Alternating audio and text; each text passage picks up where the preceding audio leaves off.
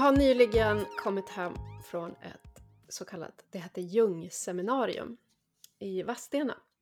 Det är en här sammankomst som ordnas av Carl Jung-stiftelsen där det samlas Jungnördar helt enkelt.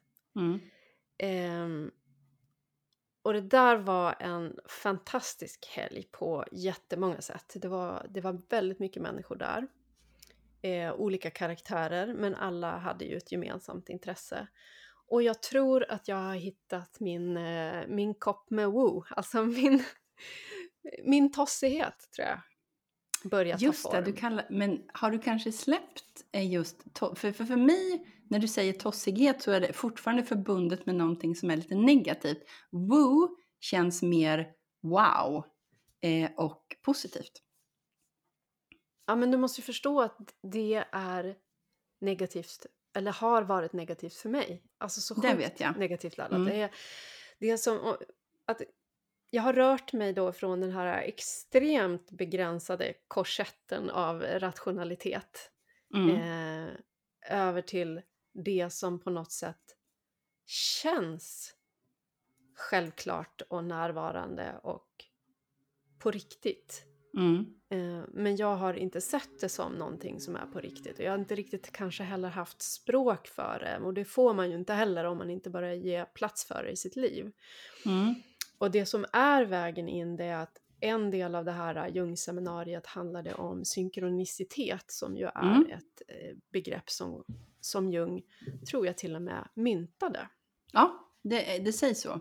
Det sägs så ja, och, och Mm. det sa de ju även då. Det, jag får tro på det, för den här personen hon, hon har verkligen forskat i synkronicitetsbegreppet Mm. och synkronicitet som fenomen och i det här så eh, föreläste hon också om Carl Jungs eh, relation med kvantfysikern Wolfgang Pauli Mhm. som, som ju också var den som kanske ledde honom in jag tror, antingen var han en del av att ge honom en, en annan bild av det undermedvetna eller omedvetna än vad Freud hade. Mm. Eller så var han redan på väg in på det spåret. Men, men han sa i alla fall till honom att du, du pratar, det du pratar om det ligger mycket närmre kvantfysiken än vad det gör den traditionella vetenskapen. Mm. Intressant. Och jag tänker så här, vi, vi pratade ju också lite om det. Susanna informerade mig just om att vi har pratat om eh, arketyper i två och en halv timme innan nu när vi skulle spela in. Eh, vi skulle ha en liten eh, läggning av kort och, eh, som har med hjältinnans resa att göra. Och jag tänkte sådär att men vi satt väl någon timme. För vi var ganska kortfattade för, för att vara vi. Eh, Mm. Men det var tydligen två och en halv timme. Och då, då sa vi just det här, eh, ja, men som när, när det började nu och sa woo och eh, tossighet. Eh, och så sa det där jag kommer ifrån så eh, har jag tänkt så här och så här. Eh, då var vi inne på just att eh, Susanna ofta kan säga att eh, hon är på vissa sätt. Eh, och jag då som har känt henne nu i drygt två år kan ibland studsa till och tänka så här, men det där, det är inte den Susanna jag känner. Så att det är intressant det här med vilka narrativ vi sitter fast i om oss själva fortfarande, som kanske inte stämmer längre. Eh, och att det är väldigt intressant att eh, få syn på dem utifrån någon annans ögon. Mm. För att eh, det kan vara ganska svårt att göra sig fri från dem. Eh, och också väldigt befriande. Eh, men då tänker jag på det här med woo. Eh, och att det kanske kan bli din Rob Bell-tatuering. För nu har ju jag en också. Just det, proper, proper amount of woo. Proper eller- level of woo. proper level of woo. Ja, Mm. eh, och ehm, nej, där ska väl inte bli ytterligare ett hyllningsavsnitt om Robert Bell, Nej. men eh, det Nej, var men det- också det- spännande. Ja, men det är bra att du tar upp det, för det är ju, jag tycker att när man ger sig in i de här lite djupare vattnen så, så är det en balansakt. Ja, Och det fick jag också erfara under den här helgen, därför att det fanns också saker som sades som, som låg bortanför någonting som kändes rätt för mig. Och det är ganska Okej. skönt att få syn på det, att jag börjar få liksom en, det är därför jag säger jag tror att jag hittar min kopp med woo. Mm. att, att det, jag, jag kan inte, jag har väl, väl trott att man måste acceptera ett stort paket av eh, alla möjliga övernaturliga saker. Bara för att Mm. man går in på det här området. Men det är inte sant. Utan här vaknar någon typ av magkänsla väldigt tydligt inom mig. Mm. Ehm, jag, har, jag har väldigt svårt för magkänsla i relationer och när det kommer till arbete. Men när Mm. det kommer till det andliga och när det kommer till, ja vad man nu ska kalla den här biten då. Det är väl andlighet alltihopa egentligen. Ja, ex, något existentiellt. Existentiellt. Då Mm. finns det en jäkligt tydlig röst inom mig som säger Mm. ja, nej till olika saker. Ja. Eh, och synkronicitet för mig, det ryms inom det här. Men det finns ju också, precis som den här föreläsaren pratade om, en, en, det kan liksom likna psykos nästan med, med alla Ja. de para, paranoia fantasier som finns. Men skillnaden med, som hon sa, och det tyckte jag var jätteviktigt för mig, skillnaden mellan synkronicitet och mellan psykotiska föreställningar om hur saker och ting hör ihop, Mm. det är att andra kan bevittna det. Mm. En psykos finns alltid bara i huvudet. Det Just sammanhang och sammanträffande som en psykotisk person ser finns bara i den personens huvud. Om du Mm. och jag skulle sitta i samma rum och jag Mm. uppfattar någonting som jag benämner för synkro- synkronicitet Mm. och du kan inte bekräfta det, verifiera att det där dök upp som ett sånt meningsfullt sammanträffande, Mm. då befinner jag mig på det mer psykotiska, alltså en Mm. ren fantasi. Så. Ja, okej. Ja, men det är ju en ganska bra... Det var ju lite som det du pratade om kring eh, vad som är fantasi och vad som är intuition slash magkänsla. Ja. Att eh, vart det sitter någonstans och hur det känns. Mm. Ehm, men ja, det var ju det var en ganska tydlig ehm, grej. Men jag tycker väl, på sätt och vis kan jag tycka så här att synkronicitet, eh, även om jag inte är rädd för att eh, det är psykos det handlar om, så tycker jag, det beror ju också lite på vem man pratar med, om man för upp olika saker som någon slags, eh, ja men det här och det här, det är så coolt att vara i den här synkroniciteten nu, för det här och det här och det här hände i någon slags flöde och jag mötte den här personen som sa så här. Då kan jag, när jag pratar med dig, då är det ju som att vi pratar samma språk liksom. Mm. Så att du kan se precis det här. Men pratar man med en annan person som kanske inte riktigt um, är på samma resa. jag hatar det uttrycket, det är därför jag måste säga det sådär. Eh, så då, då kan det verkligen bli det här lite så här forcerande, att man ska försöka få den andra människan att förstå eh, synkroniciteten och vad det överhuvudtaget är. Och där någonstans går man ganska ofta bet, eller åtminstone jag. Så att det är väl någon så här mellanting också, att det, det, det är inte alltid så att personen i rummet kan se det jag ser. För Nej. att man ser på saker med olika ögon. Mm. Och är olika öppen liksom. Ja, och ibland kan jag undra, det finns nog lägen när man ska dela det man är med om som har med synkronicitet att göra. Det kan finnas lägen när det hör hemma i ens inre som någonting som ska Mm. ligga där och puttra. Mm. För det är som att man... Du kanske inte ens riktigt full, till fullo förstår varför det där dök upp. Nej. Och det där tycker jag fortfarande är så himla svårt. För att jag har någon sån där ehm, inlärd eller medfödd tendens att liksom alltid vilja dela med mig av allt till alla. Eh, Mm. Och det är ju inte super... ehm, alltså jag tror inte att det är så bra för vare sig mig eller andra alltid. Ehm, och jag har ju inte någon plikt eller skyldighet gentemot andra att dela med mig av allt av mig. Mm. Eh, men jag har lite svårt med den balansen och jag tror att ganska ofta så skulle man kanske, så skulle det nog vara bra att vara lite mer varsam när det kommer till precis sådana saker som du säger, att låta saker finnas i mig ett tag först och lita på att jag kan härbärgera dem, att jag inte behöver någon annans yttre bekräftelse på att det här är någonting som är viktigt. Mm. Ja, och jag tror att det kan vara det för att det, de satte... Susanne Gieser hette hon som eh, föreläste i alla fall på Jungseminariet om synkronicitet. Mm. Och det som hon sa som jag tycker understryker varför man kanske inte alltid ska man ska fundera om man alltid måste dela det då. Det är för att synkronicitet har alltid mening. Um, och då, då, kan det ju vara att det, det kan och, och, det har en koppling till det omedvetna och det undermedvetna. Jag gillar egentligen ordet undermedvetna mycket bättre. Jag med! Ja, jag använder det.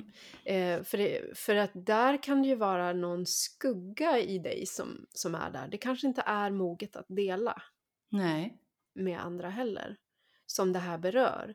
Um, mm. Men, men jag tänker så här, vi kanske ska börja med, kan inte du säga ett exempel på synkronicitet så att vi liksom ringar in vad är det vi pratar om egentligen? Du lägger den bollen hos mig. Ja. Eh, jag som, som får panik när jag ska så förklara saker för folk. Eh, nej men för mig blir ju det här som någonting som eh, som någon slags sammansmältning av paradoxer. Att det är magiskt, övernaturligt och naturligt och eh, Eh, i allra högsta grad verkligt och eh, här och nu samtidigt. Mm. Att det är som en påminnelse om att allting hänger ihop eh, och att det finns... Ehm, ja, men jag, jag skulle jättegärna vilja nu bara så här snabbt fiska fram någon tydlig eh, synkronicitet hos mig själv som jag har varit med om.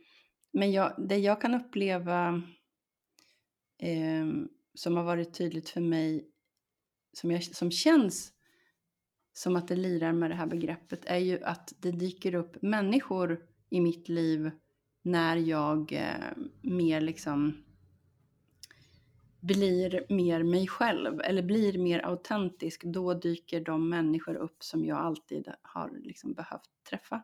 Så då kan man se en synkronicitet där i att eh, eh, man träffar folk som, som har liknande tankar, erfarenheter, eh, utforskar liknande saker som man själv gör just nu och så. Men det kan ju också handla om att man får olika typer av eh, påminnelser från eh, du vill kalla det flödet, jag har fortfarande svårt med det ordet, mm. men vi kan kalla det livsflödet idag. du kan få den. Där det kan vara som budskap liksom, som man får mm. på olika sätt. Det kan vara att man ser någonting på TV, att man läser någonting i en bok, det kan vara någonting någon säger till en. Ehm, det kan vara i läggningen av tarotkorten på morgonen, när man sitter och skriver morgonsidor, när man mediterar. Ehm, som på något sätt ehm, belyser något som man behöver eh, få syn på. Mm. På olika sätt liksom. Det, det är väl synkronicitet för mig, men jag kan inte just nu, det kanske kommer under avsnittets gång, att jag bara, men just det där. Mm. Jag, jag, kan ta ett exempel, för jag har en sån som är... Eh, ja, den är lite magisk för min del. Mm. Min, min, hund Alfons som, som nu dog i, i februari. Mm. Jag kanske har berättat det här i något tidigare avsnitt också, men då kommer den igen.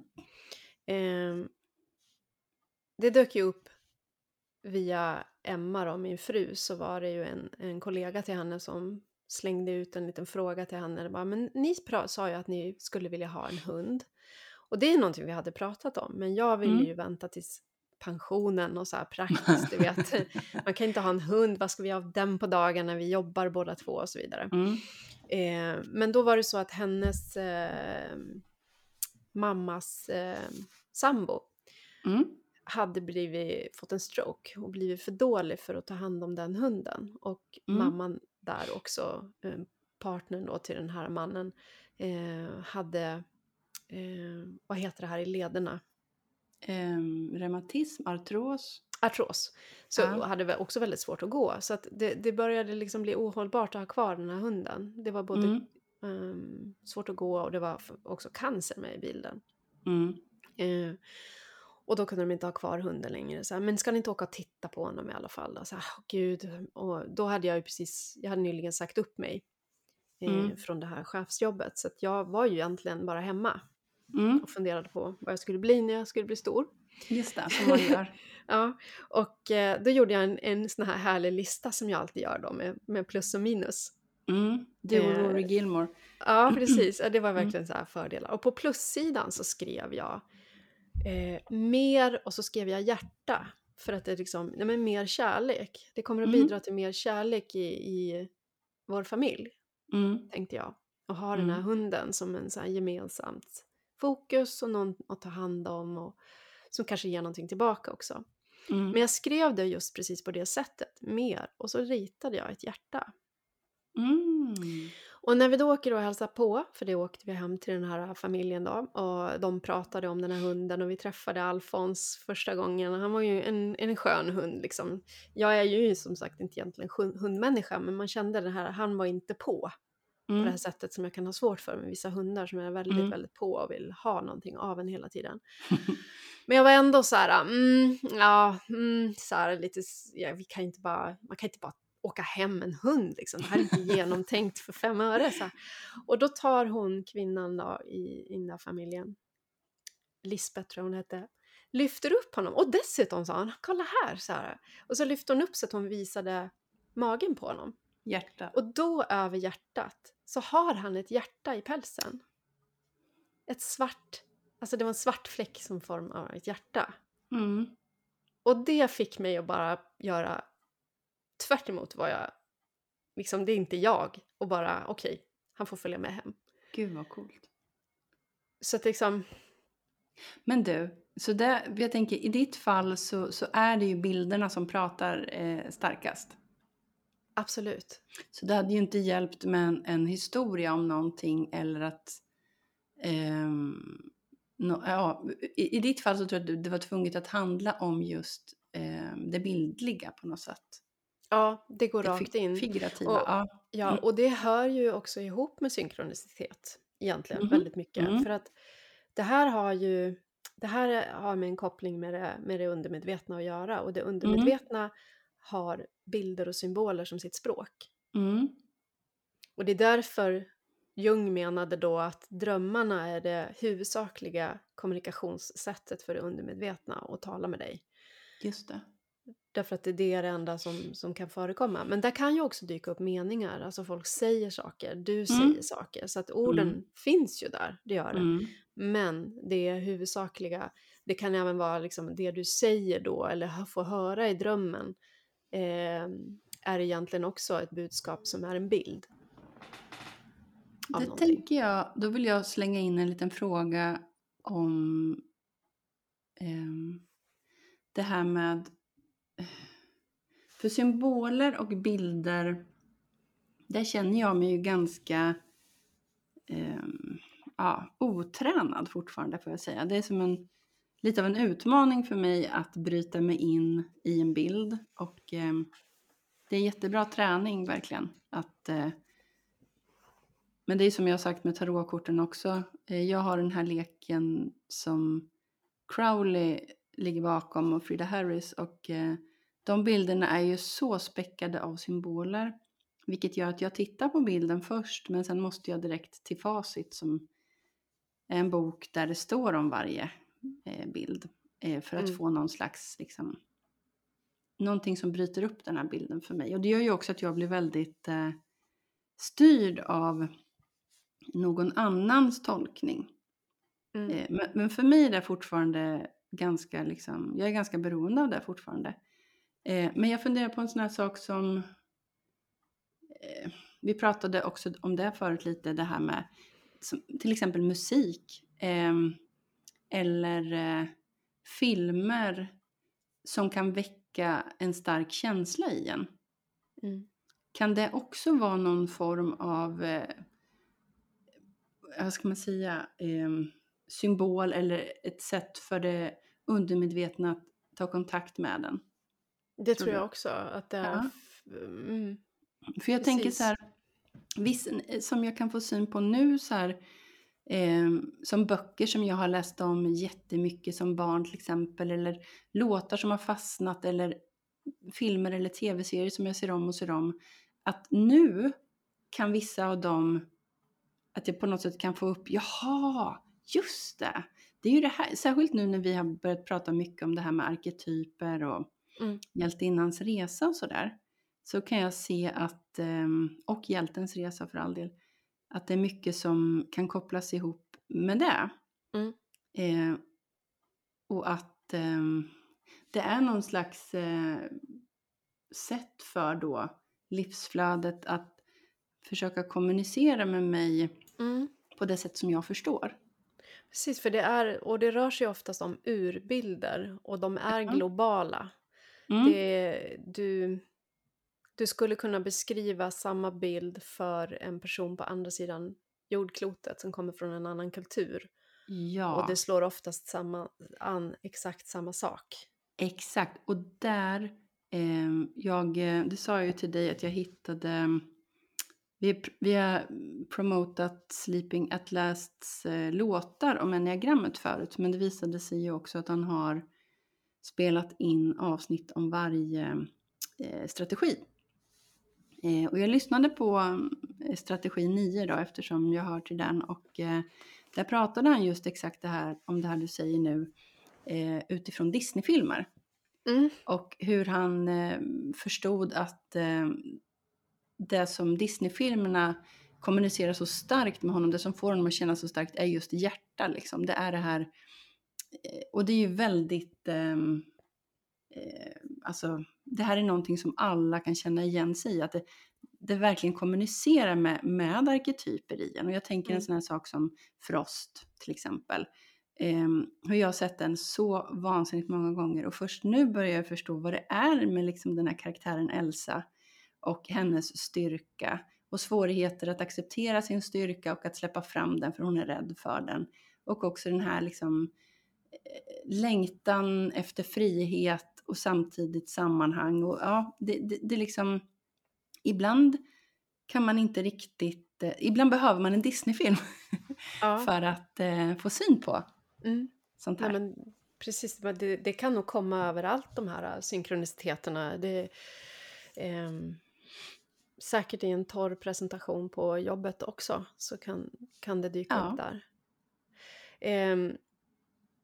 Det som hon delade med sig av på den här föreläsningen var ju i alla fall att Jungs beskrivning är att det här med synkron synkronicitet det började dyka upp för honom när han höll på med det som han kallade röda boken och som kom att publiceras ganska sent i hans liv. Och det är en helt fantastisk tjock bok där han också har målat i den. Han var konstnär också, det brukar man inte tänka på. Just. Eh, där han under ett antal år helt plötsligt började liksom att få ja, egentligen starka röster i sitt huvud. Alltså det dök upp drömmar, det dök upp bilder, figurer som återkom och han började förstå att han kommunicerade med sin själ. Han bör, kommunicerade på något sätt eh, det, som han förstod det sen då med det undermedvetna men han visste ju inte vad, vad som var på gång. Och det var det här som ledde fram till brytningen mellan honom och Freud. För Freud Ah, Freuds syn på det undermedvetna var att där hade man trängt undan drifter och begär och framför Mm. allt sexuella sådana då. Han var ju ganska Mm. sexfixerad Freud. ja. ja. Men Jungs bidrag till det hela, för han har ju kvar det omedvetna och undermedvetna, men han Mm. lägger ju till att det, har, det är en, framför allt en kollektiv del där Mm. vi alla sitter ihop. Mm. Ehm, och han hade ett begrepp för det där som jag skrev upp. Jag glömmer det lika snabbt som jag... Unus mundis. Mm. Och då borde jag naturligtvis också skrivit upp vad det betyder. Men jag tror att det har liksom en, för, för, en förenad värld. Ja, det låter väldigt rimligt. Ja, och det är där, där sitter vi allihopa samman. Det är lite som dina mycel och svampar. Ja, och, Mm. och, det, och det där har ju ingen... Det är ett bottenlöst. Mm. Så det, det finns liksom inte någon kärna i det här utan Nej. där försvinner det ner. Det är därför man brukar använda eh, ett isberg som liknelse när man ska beskriva det undermedvetna. Att Mm. ovanför havsytan så, så är egot, där har du personan Mm. som man gärna vill att alla andra ska se. Mm. Sen strax under ytan så har du det personliga omedvetna och det är liksom, ja det här är mina dåliga sidor som jag känner till. Mm. Men sen strax därunder så har du ju också skuggan och Mm. den är någonting som är väldigt svår att få syn på och Mm. skuggan i sig är en arketyp. Mm. Personan är också en arketyp i Mm. det här egot. Eh, Alla de här är, är arketyper. Mm. Ehm, och skuggan kan slå till när som helst. Men, men där vill han liksom peka på att det han också kom fram till, och jag har ett, ett citat här som jag måste läsa.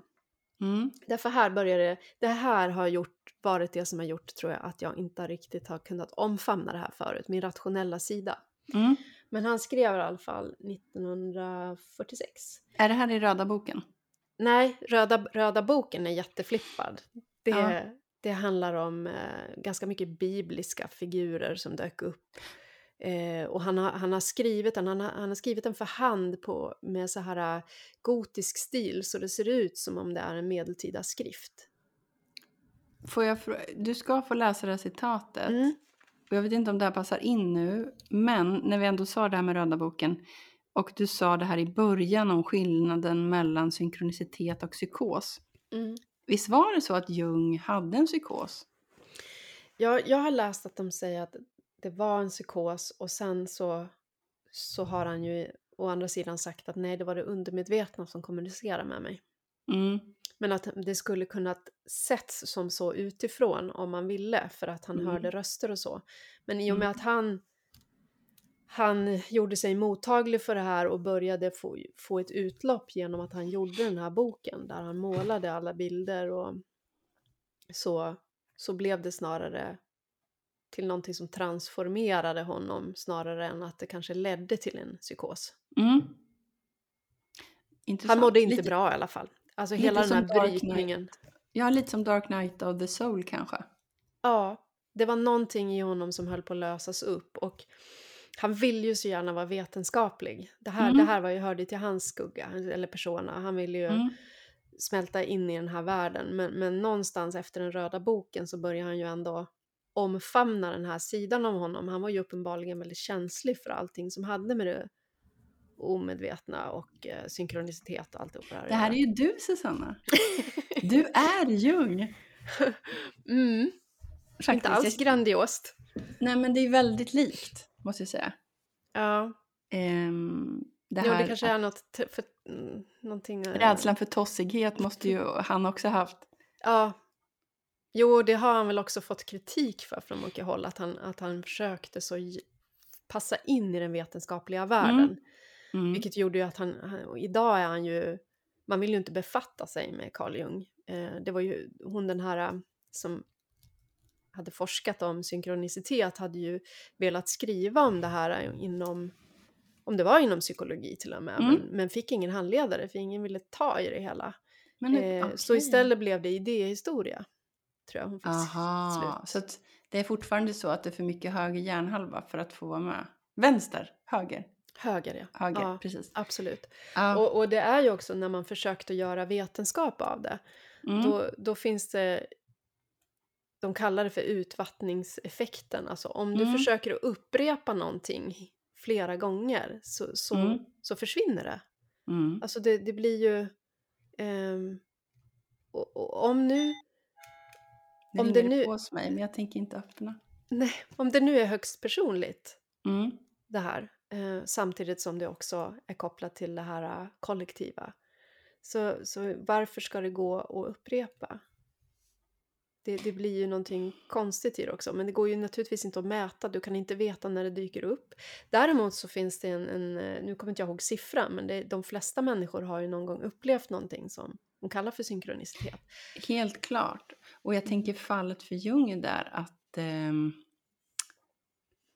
att det känns urvattnat och att han försökte prata det vetenskapliga språket. Är inte det någonting man måste göra först för att försöka få vara med liksom och få in sin grej. Ehm, att jag tänker att man måste prata vetenskapsspråket först och tyvärr blir det ju så då att man tappar bort själen i det man försöker säga. Mm. Eh, jag tänker lite också på så här, Jonna Bornemarks senaste bok eh, där hon, som ju handlar om filosofi, men där hon inser att vissa saker kan hon inte skriva på det akademiska språket utan hon, det går inte att beskriva på ett annat sätt än genom poesi. Så då har hon med Mm. eh, dikter också. Och det hade ju inte hon kunnat ha, tänker jag, om hon hade försökt slå sig in på det filosofiska fältet från början. Men nu är ju hon en etablerad filosof. Mm. Så att jag undrar liksom, det, det är så synd att det ska behöva vara så. Men nu har jag men, också... men det tog ju väldigt lång tid innan det här blev klart för henne. Så att, för hon började Ja. ju, hon hade ju upplevelsen 20 år första gången när hon fick barn, hon var 26 tror jag. Ja, Och sen har det Precis. här legat och skvalpat att hon ville, ville filosofera om graviditet och ja, tillkomsten av våra jag och så. Precis. Ehm, och jag tänker också en, en, en annan jämförelse som inte är lika rolig, men som... Eh, jag tänker en utbildning som att plugga till bibliotekarie, som från början var väldigt... ehm, väldigt praktiskt inriktad så. Men Mm. i takt med, och jag tänker att det har varit likadant med lärarutbildningen till exempel, att i takt med att det vetenskapliga och det akademiska blir allt mer liksom allenarådande så blir det på något sätt finare att ha en väldigt teoretisk utbildning även om det är en praktisk, eh, ett ganska det. praktiskt fält. Vilket gör Mm. att när jag pluggade till bibliotekarie i Uppsala för några år sedan, 20 år sedan är det snart, fuck. Eh, hjälp! Ja jag, ja, jag orkar inte. Eh, då, då var det ju verkligen så här, vad, vad är det här för någonting? Vad är det vi pluggar egentligen? Så det vi lärde oss på utbildningen och hur yrket sen såg ut, det var ju två helt skilda saker. Jag tror att det ser ganska liknande ut på, på lärarutbildningen på många sätt. Eh, Mm. men det här var en liten utflygning och du har fortfarande ett citat att läsa. Ja, precis. Det som eh, jag varit lite rädd för. Så får vi se hur du reagerar på det. Mm. Eftersom psyke och materia ryms inom en och samma värld och dessutom står i ständig kontakt med varandra är det inte bara möjligt utan rent av tämligen sannolikt att materia och psyke är två aspekter av samma sak. Mm. Ja, men det tänker jag också, att allting hänger ihop eh, på olika sätt. Eh, och börjar man snacka om det så låter man ganska tossig, men är inte också där lite kvantfysik? Det är precis, det är Ja. här det kommer in. Och han hade ju eh, föreläsningar, så det är ju en lite intressant väg in för den här Wolfgang Pauli in i Jungs liv. För han var ju Mm. en, en kvantfysiker som var väldigt erkänd och som själv undervisade och så. Men Mm. han mådde dåligt jämt och misslyckades i relationer och så. Mm. Ehm, så hans pappa sa till slut att ja men den här staden, nu kommer jag inte ihåg vilken det var, är ju känd för en sak och Mm. det är Jung. Mm. Ska du inte gå till honom om det var dåligt? Så han Ah. tog faktiskt kontakt med honom för just av, av sitt, eh, sin psykiska ohälsa då kan man säga. Jaha. Men, men Jung konstaterade ganska snart att han hade lite problem med det kvinnliga så att han skulle inte prata med Jung utan han hänvisade honom till en av sina lärjungar om man säger så. Så han fick gå till en Ja. kvinna istället, Wolfgang Pauli. Och Mm. istället så kunde då Jung och Pauli utveckla en, en vänskap då. Så att Mm. man kan tro att Pauli kanske först började gå på Jungs föreläsningar och Mm. någonstans där också eh, såg Var Jung redan inne på, på, på vad heter kvantfysik då?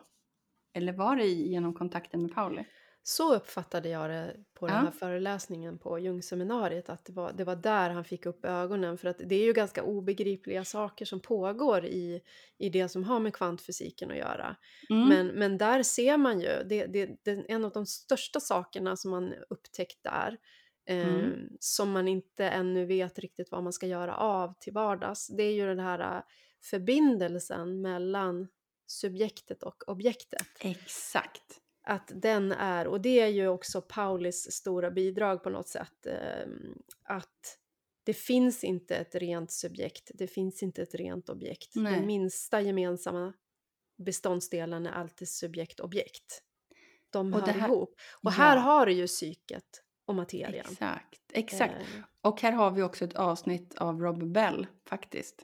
mm, Eh, där han pratar med någon gäst. Jag tror inte det är the proper level of woo, för där tror jag han pratar själv. Utan det här är ett avsnitt, någonting the plain field, eller the fi- jag har skickat det här till dig någon gång. unified field Exakt, theory. Mm, ja. precis, för det kommer ju också in i, det är ju kvantfysikens Mm. svar på det kollektiva Ja. omedvetna. Helt enkelt. Och återigen hur man någonstans som nia kan sitta uppe på toppen och se att allting är samma. Fast Ja. olika sätt att förklara det bara. Precis. Och hon visade en modell då, som jag inte vet om den är Jungs eller om den är Paulis eller om det är hennes egen. Eh, där man kan tänka sig två koner som, som ligger ner så, där Mm. spetsarna möter varandra. Den Mm. ena konen är psyket. Och det är som en, en, en uppspänd värld i sig, sig själv. Mm. Alltså vi upplever ju det som att vi har som en rymd inom oss. Mm. Sen har du materian som den andra konen Mm. som ju också är en hel rymd i sig som består av materia. Mm. Och där de där två möts så kallar de det för nollpunkten. Mm. Och där kan det då finnas en, en, en, en överföring på något sätt. Jag tänker på maskhål också. Får jag in Ja. nu. Ehm, Det här att liksom att allting inte är linjärt. Utan Mm. att det faktiskt finns ehm, som andra vägar mellan saker. Och där, då handlar det ju mer om tid liksom och eh, Mm. tid och rum. Eh, vilket väl också borde vara eh, samma förhållande mellan som mellan objekt och subjekt någonstans. Mm. Precis. Ehm, och att eh, det är väl det som är så...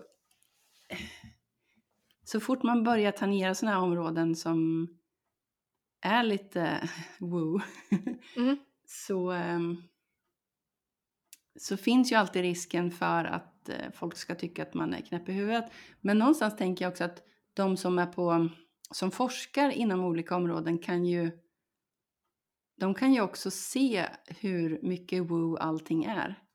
Mm. Det spelar liksom ingen roll egentligen vilket område man forskar inom. Så... eh, Så häng... Ja, ja. Men, eh, precis. Men, men en intressant sak som hände när jag satt och lyssnade på det här föredraget, som ju var jätte, jätteintressant, var att jag, jag, jag kom till en punkt där jag bara kände, vet du att jag skiter i hur du förklarar det här. Jag känner Mm. att det här är någonting som är verkligt, jag har upplevt det så många gånger. Mm. Och nu när det här ska försöka förklaras så känns det som att man fryser det eller låser det till någonting som det kanske inte är. Alltså man kan inte stänga Mm. in det här fenomenet på något sätt i en rationell låda. Nej, och då, för då gör man ju det där misstaget igen. Då försöker man prata vetenskapliska eh, om Mm. någonting som ska förstås på ett annat sätt. Med Ja. höger hjärnhalva.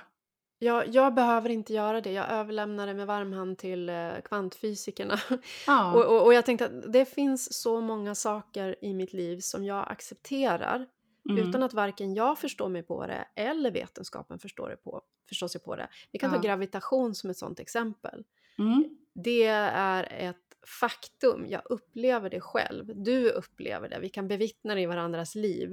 Eh, men man kan, man kan beskriva hur det fungerar och hur det går till, men det finns inget varför. Det finns liksom ingen vetenskap som kan få in det i något sånt här orsak-verkan skeende på något Nej. sätt. Och jag, då, ja, men jag accepterar synkronicitet som ett faktum Ja. och så går jag hellre in och funderar på hur kan det här, hur kan, om jag accepterar det här, hur kan det spela roll i mitt liv? Precis. Och hur, hur kan jag vara öppen för det och hur kan jag få mer av det kanske? För att någonstans tänker jag att ehm, det hänger mycket ihop både med experimentet, med livsflödet, eh, att vara öppen, att, i- att följa med. Det Mm. hänger mycket ihop med det här ehm, som vi har pratat om i Hjältinnans resa. ehm, det där citatet som vi har haft alla fall en gång om... det var två ord som var viktiga där. Vi ska se, jag brukar alltid få upp den jag slår upp. Jo, just det. Eh, this ability to move with the, the creative impulse. Och sen också allowing things to happen. Att det handlar mycket om with och allowing. Eh, Ehm, Precis. Mm. Och jag, jag tänkte också på experimentet i samma stund som du sa det. För, att, Mm. för det är ju väldigt mycket för mig det gamla bibliska ordet, liksom ske din vilja. Ja, för din vilja det- är min vilja och tvärtom. Ja, och, och det är det mitt ego så gärna vill motarbeta. För det vill ju liksom se sig själv som den som sitter och håller i rätten. Jo, Det vill kanske inte acceptera att jag är en liten bricka i ett, i ett större spel. nej. Men jag tycker att det är... Jag tycker mer och mer att det är någonting väldigt fint med det och det är någonting Mm. väldigt vilsamt att se sig som en del i det här flödet. Mm. Och här skulle vi kunna slänga in hur mycket Rumi-citat som helst också tror jag. ja, för det, det går in på mystikens område. Verkligen. Det, det, är, det är inte religion utan det går in på mystiken. Det, och precis som där så kan inte det låsas heller i dogmer eller... Nej. eh, eller ja. Och det är väl Det är mystik. poesins område. Ja, poesi och mystik är samma sak tänker jag. Mm. Eh, och ehm, det är väl någonstans religionen går bet för att man försöker vetenskaplig eh, prata om någonting som inte kan förstås på andra sätt än genom symboler och käns alltså, eh, bildspråk. Eh, och att det blir samma, då, då måste man till mystiken för att eh, förstå det på rätt sätt. Mm. Eh, och jag tänker någonstans det här med synkronicitet och hur det är liksom sista året Ehm, är väl först och främst som det har blivit ett begrepp för mig, de sista två åren kanske. Sen, för vi började nog prata om det eh, kring just hjältens resa så där har jag för mig. Att det blev som ett begrepp som jag hade att liksom förhålla mig till. Eller att det är någonting som finns och som jag kunde förstå och som jag kunde känna igen. Men sen så är det ju också så här, i och med då, då var det kanske någonting som förekom ganska sporadiskt. Liksom. Det var häftigt när det hände. Men det, jag tror att det var i och med, eller det var mycket i och med att jag började göra boken Lev kreativt som eh, där det också står ganska mycket om synkronicitet och hur man öppnar för den genom de här kreativa övningarna. Mm. Eh, att det någonstans blir ett normaltillstånd. Det är Mm. så här livet ska vara på något sätt. Mm. För nu är det som att jag, jag är van vid det. Mm. Och att det är fortfarande häftigt och coolt och eh, woo, men det är också i allra högsta grad närvarande och eh, naturligt liksom. Mm. Jag vet inte om du håller med? Jo men det är det. Och sen sa de ju faktiskt några saker som gör att där av alla vittnesmål som finns om synkronicitet så finns det några saker som man kan liksom ringa in som förhöjer eh, förekomsten av det i ens liv. Ja. Dels så är det mycket vanligare om du genomgår en kris av något slag. Alltså Mm. du är inne i ett eh, övergångsskede på Mm, något sätt. Vi skulle kunna ta skilsmässa eller att någon har dött till exempel mm, i din närhet. Eller du får en allvarlig diagnos av något slag. mm, Eh, men bara tänker jag att om, om man helt plötsligt börjar acceptera att man är inne i någon typ av autenticitetsprocess mm, så har det ju också, det är ju också en transformationsskede så jag tänker det ökar det hela. mm, Någonting som också spelar roll är om du är i stark affekt. Mm, Om du känner väldigt mycket, alltså om du är förtvivlad, om du är rädd eller om du är ehm, du längtar efter något väldigt starkt. Alltså mm, starka känslopåslag helt enkelt mm, eh, spelar också roll. mm, Eh, och sen har det också att göra med någon, om du är i ett ökat alltså tillstånd av fokus. Om du har en uppgift att lösa, ett problem att lösa mm, så verkar det också bli som att de här synkroniciteterna kan vara vanligare. Så att, för jag tänker någonstans att eh, kriser är ju inte någonting vi direkt påverkar, eh, utan ja, det gör vi ju kanske indirekt mer. Att vi Mm. kan ja, ja, liksom skapa kriser, absolut. Men kriser händer oss känns det ju mer som. Mm.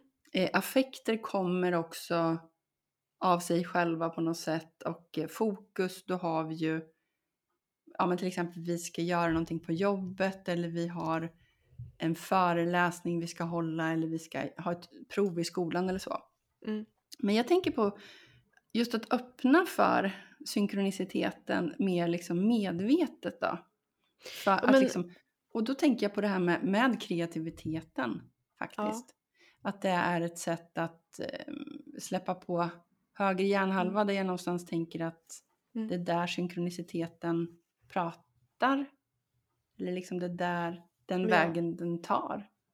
Ja, precis. Och gå in, ja men det är ju också att kliva in på poesins område, för, för konsten, alltså är ju där. Och det, det spelar väl ingen roll om du skriver eller vad du än gör, men du, det, det är ju alltid ett bildspråk du är inne på då. Mm. Eh, även om du formulerar i ord sen så skriver du en roman så utspelar sig någonting i ditt huvud. Jag tänker också att, att börja intressera sig för sina drömmar Mm. tror jag också öppnar upp för det här. Drömmar är ju någonting annat, för det är ju det undermedvetna och psyket. Det är ju aldrig inne i materia och far. Men det gör dig åtminstone bekant för språket. Det kanske Mm. också handlar om en, någon, någon typ av öppenhet. Mm. Nu tror ju jag att även de, de som verkligen ser synkronicitet som bara ett slumpartat sammanträffande Mm. Eh, ja, vad får jag efter där att säga då? Eh, kan det spela roll? Att jag, det ble, jag glömde det nu. det Nej, att de också har svart. en väg, att de också skulle kunna ta sig in i det på något sätt, tänker du, genom kreativitet? Nej? Ja, det, jo men det kanske var det jag, det jag var... Det här kommer jag höra sen när jag lyssnar på det här. Ja, men det var ju Du det bara, nej, det var det där jag skulle säga. Nej men att, eh, ja, börjar man intressera sig för drömmar och annat, även om du är en som tvivlar på att synkronicitet är sant, så blir du kanske öppen för det här sättet att läsa världen.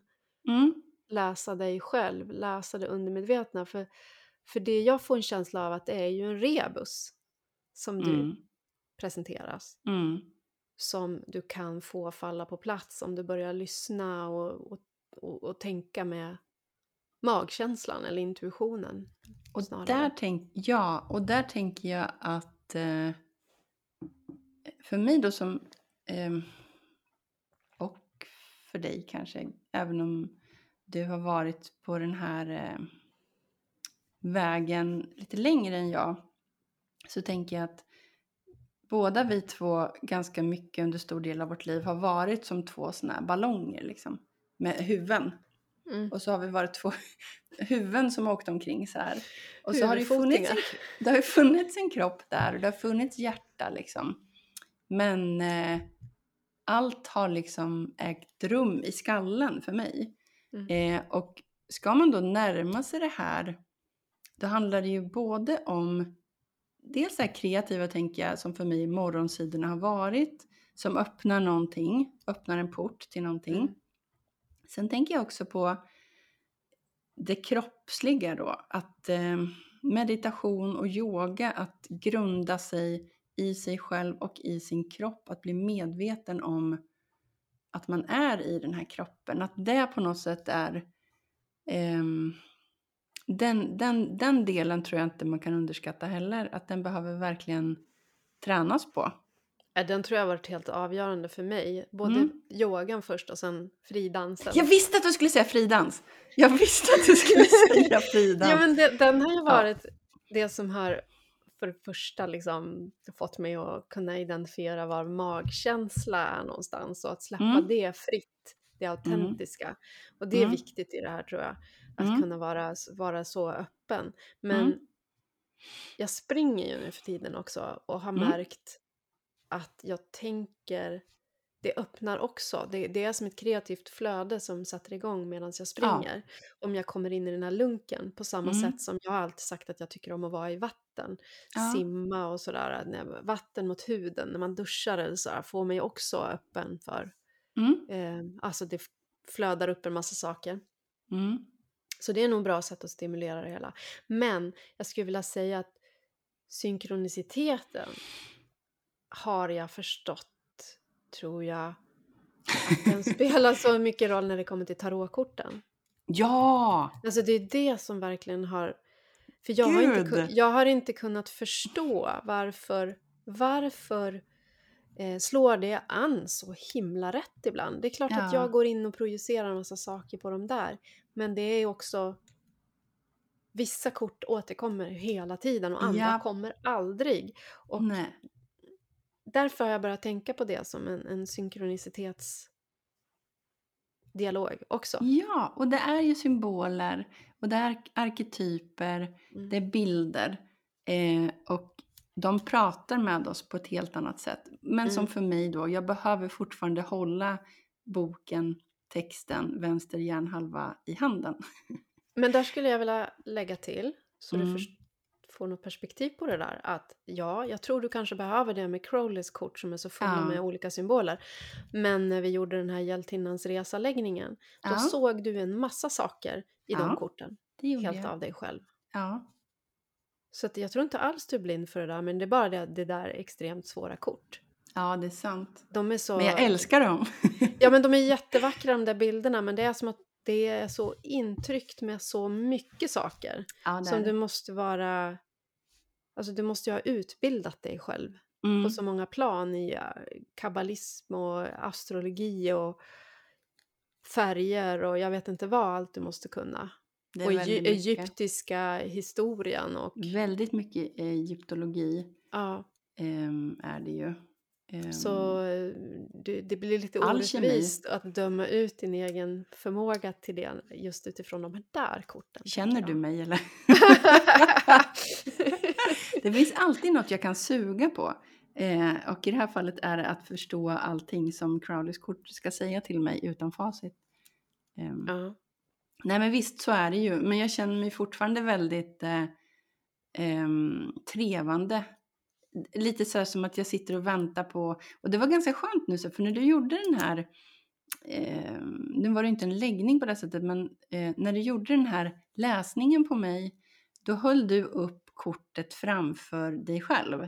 Vilket gjorde Mm. det helt omöjligt för mig att läsa dina ansiktsuttryck när jag eh, tolkade Mm. kortet.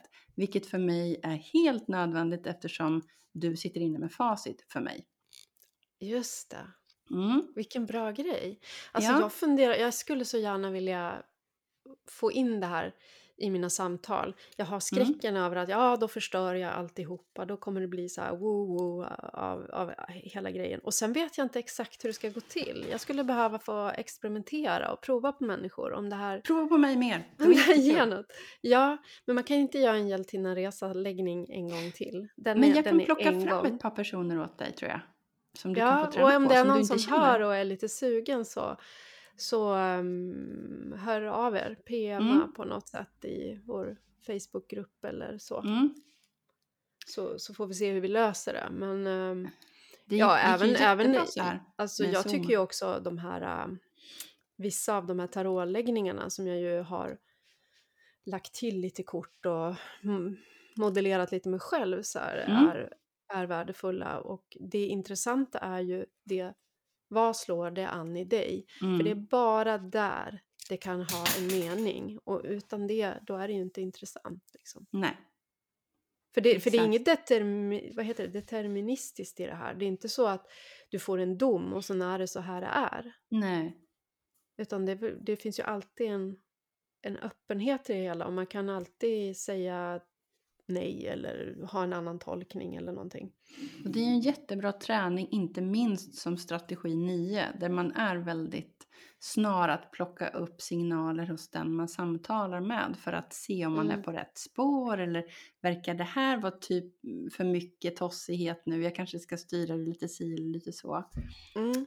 Eh, där kan jag också jag kan ju slänga in det nu som en liten grej som var helt nytt för mig, som inte har ett dugg med kort att göra, men det här med eh, kommunikation och eh, att relatera till andra. Om man har den här tendensen att lätt tappa bort sig själv i samtal till exempel, eller eh, anpassa sig efter den andra utan att man ens är medveten om det själv. Så var ju det här med, som jag började testa nu med en, en ny bekantskap, att med, med röstmeddelanden som var helt nytt för mig. Att man går och pratar liksom. Eh, Mm. Man har som ett samtal med den här personen men den kommer höra det först när jag skickar iväg röstmeddelandet. Och det Mm. gör ju att ingenting av det jag säger påverkas av en annans hummanden eller tystnad eller nyanser i rösten utan allting kommer rakt från mig. Och det är en vä- alltså jag märkte att det var oerhört befriande att eh, få släppa på det. Mm. Så att eh, den metoden tänker jag kan man säkert ta med sig in i andra sammanhang också. Ja, men den, jag skulle nog behöva experimentera med det för att jag tycker att när jag inte har en mottagare då har jag väldigt svårt att hålla någon slags monolog. Alltså det, Mm. det låser sig direkt, det, det blir svart i huvudet. Men du skriver ju utan att ha en Ja. tydlig mottagare. Så det kanske är din kommunikationsform. är För mig är ju samtalet Ja, det första. Det är liksom min första kommunikationsverktyg. ja, och det är definitivt inte min. Jag är ju Nej. mycket sämre på att formulera saker när jag ska prata. Jag försöker lägga saker till rätta för mycket. Ja. Det, det finns hela tiden ett vägande av ord och hur ska det tas emot och sådär. Mm. Som är, är i farten. Det, när jag blir entusiastisk som jag blir kring sådana här teman då kommer Mm. det lite mer spontant tror jag. ja, eller hur? Mm. Och det handlar väl mycket om det, att på något sätt tillåta det uttryckssätt som är ens, eh, vad ska man säga, naturliga uttryckssätt. För jag tror att vi genom livet lär oss att eh, vilja liksom skruva till det här uttryckssättet på ett sätt som känns mer åt det ena eller andra hållet. Jag vet, jag har en, en annan vän som har pratat mycket om det här, att man skulle vilja vara coolare på något sätt i sitt uttryck eller vilja vara mer som den där eller den där konstnärstypen. Att eh, man vill mycket liksom, det handlar väl mycket om att man vill ha andras blickar på en på, på det sättet som den här, kanske inte lidande konstnären, men den här, det här geniet, missförstådda geniet som liksom någonstans ändå alla tycker är så fascinerande. Men att Mm. låt säga att ens gåva till världen är att kunna dela med sig av eh, sitt inre eh, på det bubbliga, storslagna sätt som man har. Då, då är det ju det som är det, då är det ju det man ska göra. Men det kan ta ganska lång tid att förstå det och våga, eller att acceptera det. Mm. Eh, för att eh, det, jag har fortfarande inte accepterat att jag aldrig kommer bli cool. Eh, men jag måste någonstans göra det. Eh, har du någon sån där grej som, som du skulle vilja vara som fast du inte är? Ja, men jag vill ju vara den som vet, det, det vet du ju. Jag vill ju liksom vara en sån här... äh, Fast du är ju den som vet också. Hur då? Nej men jag, du vet ju ofta väldigt mycket saker. Du, du är en källa till kunskap. Ja, Sen så vet du inte allt, men, men liksom Nej, det du vet jag jättemycket. Mm, jag vill nog ha svar, svar på tal jämt och väldigt så här, märkvärdiga, speciella, unika svar vill jag nog ha. ja, det är klart. Mm. Så du, du, du, men där kanske saken för dig där kanske har varit exakt just det här med, med eh, the woo. Mm. Att det är det som är din, liksom, du kan jättemycket men du har också en, verkligen en medfödd förmåga till woo och eh, Ja, kontakt det, är med det. det, det är det som är så hemskt. Nej, det är det som är så fantastiskt. Och hur du kan föra ihop de här paradoxerna nu eh, och dela med av det till världen. Kommer du ihåg, jag nämnde till dig förut någon gång att den här ehm, låten med Meatloaf dök upp. Ah, ah. I will do anything for love but I won't do that. Mm. Det har ju varit min här. Jag, jag vill inte bli sån. Jag vill inte Nej. vara sån. Men det, det, är, det är nog min... Jag behöver wooet. Och det här har vi pratat om i ett avsnitt också. Att det, här är ju verkligen, följer man med i podden från liksom ruta ett så är det ju väldigt fascinerande. Jag kan inte se min utvecklingsväg, liksom, men jag kan se din. Och just det här hur någonstans i början, hur det har varit så oerhört mycket broms kring allt sånt här. Och Mm. Det skulle inte, alltså tarotkort var blaj och ehm, nu bara, jag vill använda det i mina samtal. Hur många tarotlekar kan man ha innan man är liksom galen? Ja, Eh, jag vet. det är fantastiskt, jag tycker det är så himla... Tänk att jag har fått vara en del av det här, jag blir alldeles ehm, rörd. Jag tror inte att du ser, du ser dig själv än heller. Men det Nej, borde det du se när du går tillbaka. Men i och för sig säger du det nu när du går tillbaka och lyssnar. Att du Ja. hör att du redan visste saker. Ja, och det ska jag dela med mig av till, nu kommer det låta väldigt så här, jag vet inte, ungefär som att vad är det för fel på den här människan? Lite som att om man är en artist och har släppt skivor och går tillbaka och lyssnar på sina egna låtar bara så här, oh vad den här var bra, åh vilken så här fantastisk eh, harmoni jag la på den där eh, delen i låten. Jag, jag, jag kommer ut nu med och säger att jag lyssnar om på våra avsnitt. Och det är inte, hoppas jag, för att jag älskar att höra min egen röst. Men grejen är, som jag uttryckte till Susanna innan vi började spela in, för mig som har så svårt att komma i kontakt med min intuition på ett medvetet sätt, så har jag insett att den får fritt spelrum i podden.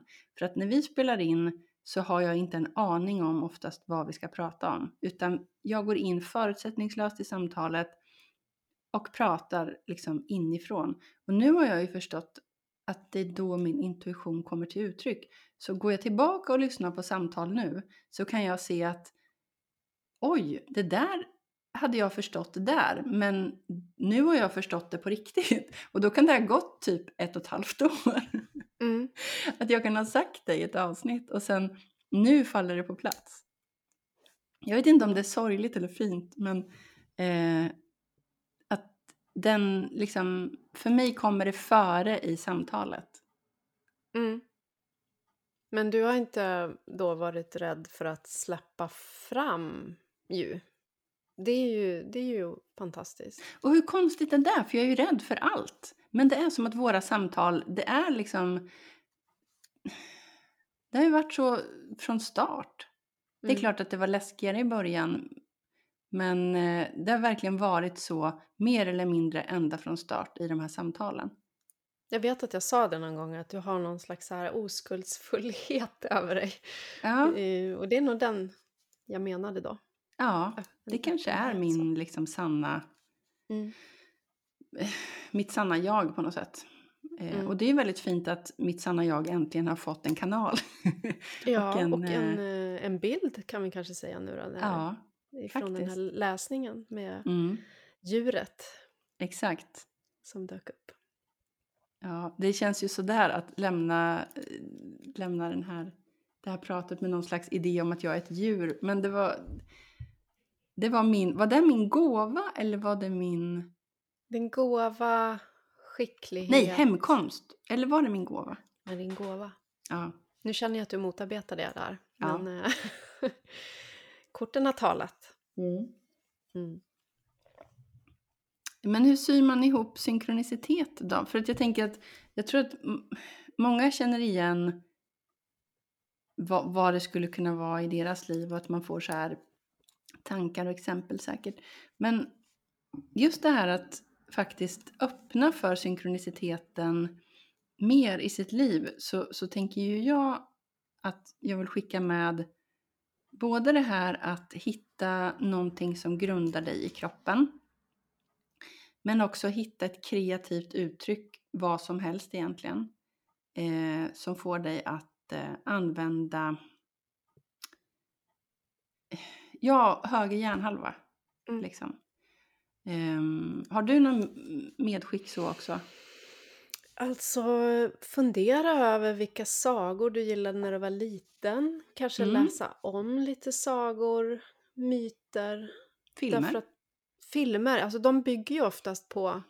De, det är en arketyper som äger rum i de där. För bara fundera, vad är det för urbilder som utspelar sig om och om igen? Mm. Det kan vara skurken, den goda, det kan vara madonnan, horan, alla de bilderna.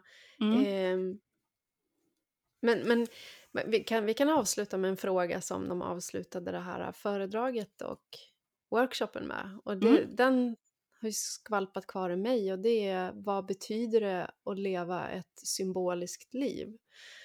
Och det tyckte jag för mig var uttryck som att det finns ett val där. Um, att släppa in det här i mitt liv. Mm.